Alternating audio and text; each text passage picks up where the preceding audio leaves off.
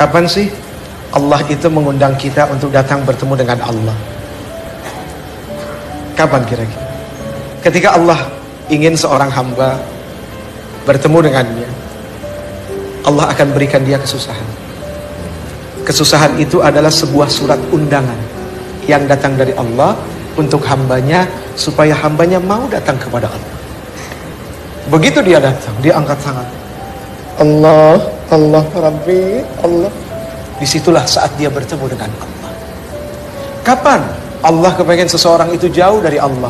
Mudah bagi Allah, berikan saja kesenangan.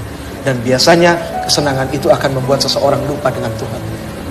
Ketika ada orang yang dikasih kesenangan, kemudian dia tidak lupa, justru dia makin ingat. Di situ Allah paling bahagia. Allah paling bahagia.